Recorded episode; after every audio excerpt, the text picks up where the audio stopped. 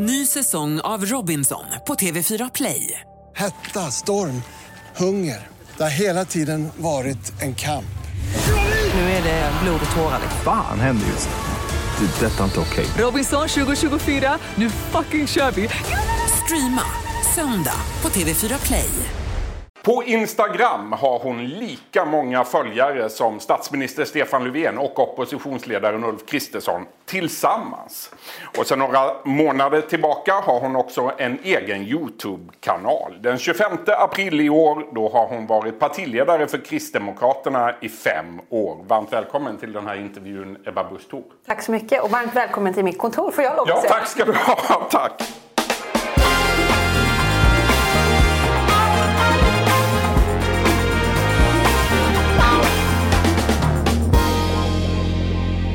Vi börjar med Instagram. 129 000 följare har du idag. De är fem gånger fler än Kristdemokraternas medlemmar. Hur eh, ska man kalla dig för partiledare eller för influencer? Nej, helt, helt klart partiledare. Jag ger inga betalda sponssamarbeten. Nej, du gör inte det. Nej, du är gör influencer också på ett sätt. Nej, men alltså, en politiker är ju någon som vill påverka, en samhällspåverkare. Så att, eh, det Mm. är jag. Influencer är väl bara ett snobbigare ord för det. Men jag vill påverka vilken riktning samhället tar och jag vill att människor ska, oavsett vilka informationskanaler de har, så ska de veta vad de har mig, vad de har Kristdemokraterna, att vi är en kraft att räkna på för den som vill ha maktskifte i Sverige. Mm. Häromdagen bjöd du in dina Instagram-följare till en frågestund. Varför då? Jag får extremt mycket frågor i olika sammanhang och inte minst i sociala medier så hinner man ju inte svara på alla. Så med jämna mellanrum så försöker jag ta in ett frågebatteri och i det här fallet så kommer vi göra en, en vlogg, ett Youtube-klipp där vi tar några av de vanligaste frågorna och, eh, och svarar på det. Vilken är den vanligaste frågan? Dels så handlar det mycket om vårdpolitik i och med att vi är det partiet som har högst förtroende i sjukvårdsfrågan och väldigt många märker av att det är kris i svensk sjukvård. Vad vi vill göra för att förbättra förlossningsvården, vårt förslag om att lägga ner landstingen. Men det andra på mer privata bogen det är väl kanske hur, hur hinner du med allt och hur är det att både vara politiker och, och mamma? Vilken spännande fråga. Hur hinner du med allt? Nej men jag gör inte det, det är väl svaret. Ehm, eh, som jag sa till dig innan intervjun här, jag väljer att se det här som ett litet andrum under den här dagen, den här intervjun. Ehm, Det är tufft att få ihop det. ja, och jag tycker att man har ett viktigt ansvar också ibland när det, det ser lite så polerat ut kanske i sociala medier att också berätta, jag får inte alltid ihop det. Ibland får man stryka saker, ställa saker och barnen går alltid, eh, går alltid först. Och ibland så får man ställa in saker på grund utav det. Mm. Var drar du gränsen då för det privata i dina sociala mediekanaler? Men jag trivs ju med att vara en hel person. En del beskriver det som och tycker att det är något positivt, att de tar liksom på sig partiledarkavajen och går in i en roll. För mig funkar inte det, för jag känner mig liksom halv. Ehm, det jag gör i mitt jobb är liksom en del utav vem jag är och jag trivs med att i några sammanhang kunna berätta lite mer om de personliga drivkrafterna. För det är det som gör att jag orkar hålla igång och jobba med det här och lägga så mycket tid och kraft med det. Att det finns ett rejält engagemang där i botten som man får lov att ge syre eh, också. Och det, ja, det delar jag gärna med mig av. Men det riktigt, eh, det riktigt privata eller där man riskerar att kanske hänga ut andra människor och sådär. Det väljer jag ju inte att dela med mig av, av, av respekt för det och en, en grundintegritet som man måste ha. Du är vän med den kända influensen Margot Dietz. Och då undrar jag, vad har du lärt dig av henne för att bli en duktig sociala medier-människa? Nej, men vi har, hon är ju otroligt eh, professionell i sitt eh, sätt att arbeta på, en riktig entreprenör. Ehm, och vi träffades i något sammanhang för, för många år sedan där jag frågade liksom, kan inte du bara komma med galna utmaningar kring hur du tycker att politiken borde tänka för att nå de personerna som inte tar del av traditionella medier och som inte läser DN Debatt varje morgon när de vaknar.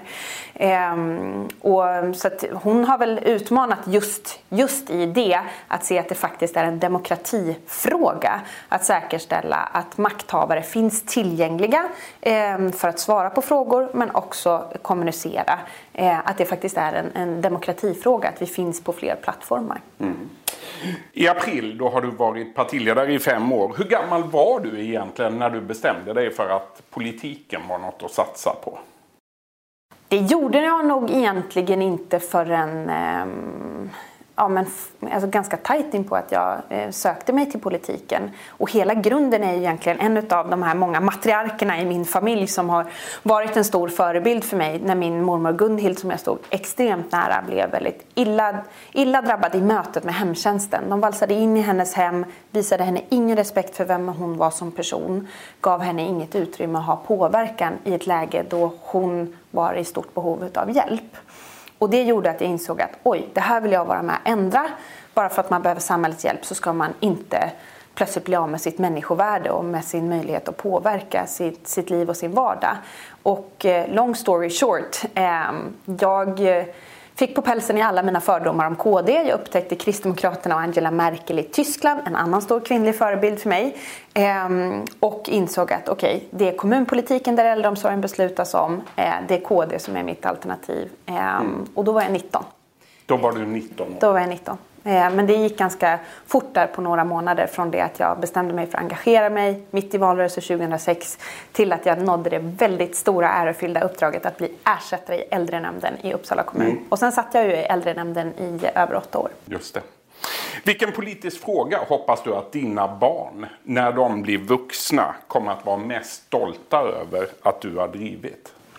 Jag tror att det är svårt att förutse. För att jag eh, jag vet att vi kommer att ställas inför mm, oförutsedda, väldigt svåra prövningar de kommande eh, åren. Och då vet man inte var man kommer att vara med och få lov att och göra det här avgörandet. Men jag hoppas för det första att när man ser tillbaka eh, så var det Kristdemokraterna och att jag personligen hade en avgörande roll i att bana väg för ett maktskifte i Sverige. Att bryta socialdemokratins nuvarande prenumeration på, på, ehm, på statsministerposten.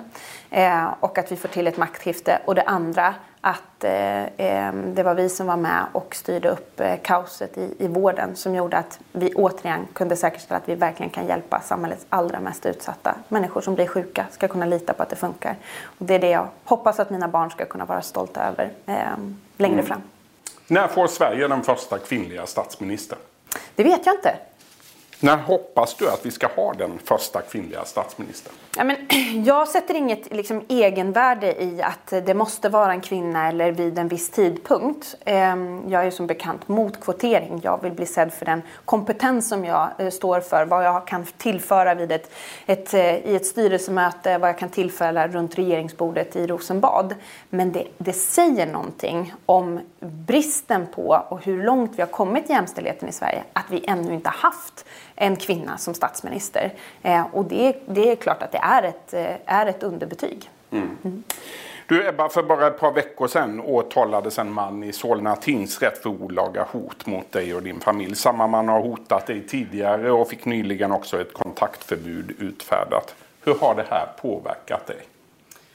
Jag försöker att apropå vad man drar gränser och sådär, uttalar mig ganska lite om de här frågorna. Av den också av säkerhetsskäl? Av säkerhetsskäl, men också för att man vet att ja, men det, det finns många människor där ute som, som inte mår bra eller som, som göds av att eh, man uttalar sig om det de här frågorna. Andra. Det kan trigga andra. Mm. Men det vill jag säga att det här är också en viktig demokratifråga. Att vi har förtroendevalda som inte oroar sig över sin egen säkerhet eller sina barns säkerhet så till den, den gräns att de väljer att sluta. Eh, vi kunde höra om, om kvinnor, kvinnliga kommunalråd i Värmland som blir utsatta för hot och trakasserier på ett annat sätt än vad deras manliga kollegor har eh, blivit. Vi hörde ju också fall ganska nyss här med en, en lokal politiker som blev utsatt i sitt eget, eh, i sitt eget hem. Och det är ett, ett allvarligt samhällsproblem om vi har förtroendevalda som ska vara med och bära upp våra samhällsinstitutioner som, som skräms till tystnad eller till att avsluta sitt engagemang. Mm. Eh, men men jag, jag kommer att fortsätta. Jag låter mig inte bli undanträngd av det här. Händer det att du är rädd? Ja, absolut. Eh, och det, det tror jag Sen, sen är det frågan vad man liksom drar för slutsatser utav det. Jag går inte och ser mig över, över, över axeln. Men man, jag tror, är man människa gjord av kött och blod så är det klart att man blir rädd vid ett bombhot. Mm. Tillbaka till politiken nu då. En fråga som har engagerat många i sociala medier den senaste tiden är Kristdemokraternas beslut i riksdagen att rösta för en skatt på plastpåsar. Det här gjorde ni tillsammans med regeringspartierna, Centerpartiet och Liberalerna. Varför gjorde ni det? Den, den, korta eh, varianten är att vi har kris i välfärden och vi är beredda att eh, fatta beslut som kanske inte i övrigt är, mm, är vår främsta prioritet för att säkerställa pengar till välfärden. Jag tror att det finns bättre sätt att ta in motsvarande skatteintäkt på obehandlade plaster eller mer miljöskadliga plaster än plastpåsarna. Eh, och jag tror inte att detta kommer att bli en långvarig lösning, inte en långvarig lösning som vi kommer att vara med och stötta i alla fall. Och till sist då, i slutet av förra veckan öppnade Turkiets president Erdogan gränsen mot Europa för flyktingar. Din reaktion på det? Det här är otroligt inhumant och cyniskt ifrån Erdogan att använda redan utsatta, desperata människor som en bricka i ett maktpolitiskt spel där man försöker söndra och härska i EU eh, men där man också försöker använda dessa, detta som utpressning för att få mer, mer, eh, mer pengar. Eh, men här måste man klara av att hålla två tankar i huvudet samtidigt. Både säkra EUs yttre gräns och Sveriges gräns. Se till att vi inte får illegala gränsövergångar, att vi inte får, där människor tar sig över gränsen illegalt, att vi inte får en fullkomligt okontrollerad migration. Men där vi samtidigt kan hjälpa de allra mest nödställda och säkerställa att barn inte hamnar i kläm vid gränsen. Sverigedemokraternas partiledare Jimmy Åkesson, han är i Turkiet. Han varnar flyktingar och säger att Sverige är fullt, kom inte hit. Vad tänker du om det till sist? Att Jimmy Åkesson står sig ganska slätt gentemot Erdogan som nu skickar militär för att pressa asylsökande till gränsen. Eh, det, jag tycker att det är oseriöst eh, tramsigt utav Jimmy Åkesson direkt. Eh, det vore mycket bättre nyttjande utav resurser och engagemang att säkerställa att Sverige nu gör allt vad vi kan för att ha koll på våra gränser, bistå inom ramen för EU för att säkerställa att Grekland har, kan ha koll på sin gräns, att vi kan hjälpa barn som hamnar i kläm här, eh, men också att sätta pressen tillbaka på Erdogan. Men det är klart, Sverige borde bistå med in, eh, information internationellt om vem det är som får komma till Sverige och inte. Så vi, inte, så vi trycker tillbaka den här desinformationen som Turkiet nu sprider, att vem som helst kan få lov att komma hit, för så är det inte. Säger alltså Kristdemokraternas partiledare Ebba Busch Thor. Stort tack för den här intervjun. Tack själv. Du har lyssnat på en podcast från Expressen. Ansvarig utgivare är Klas Granström. Ny säsong av Robinson på TV4 Play. Hetta, storm, hunger. Det har hela tiden varit en kamp. Nu är det blod och tårar. Fan händer just det. Det är detta inte okej. Robinson 2024, nu fucking kör vi! Streama söndag på TV4 Play.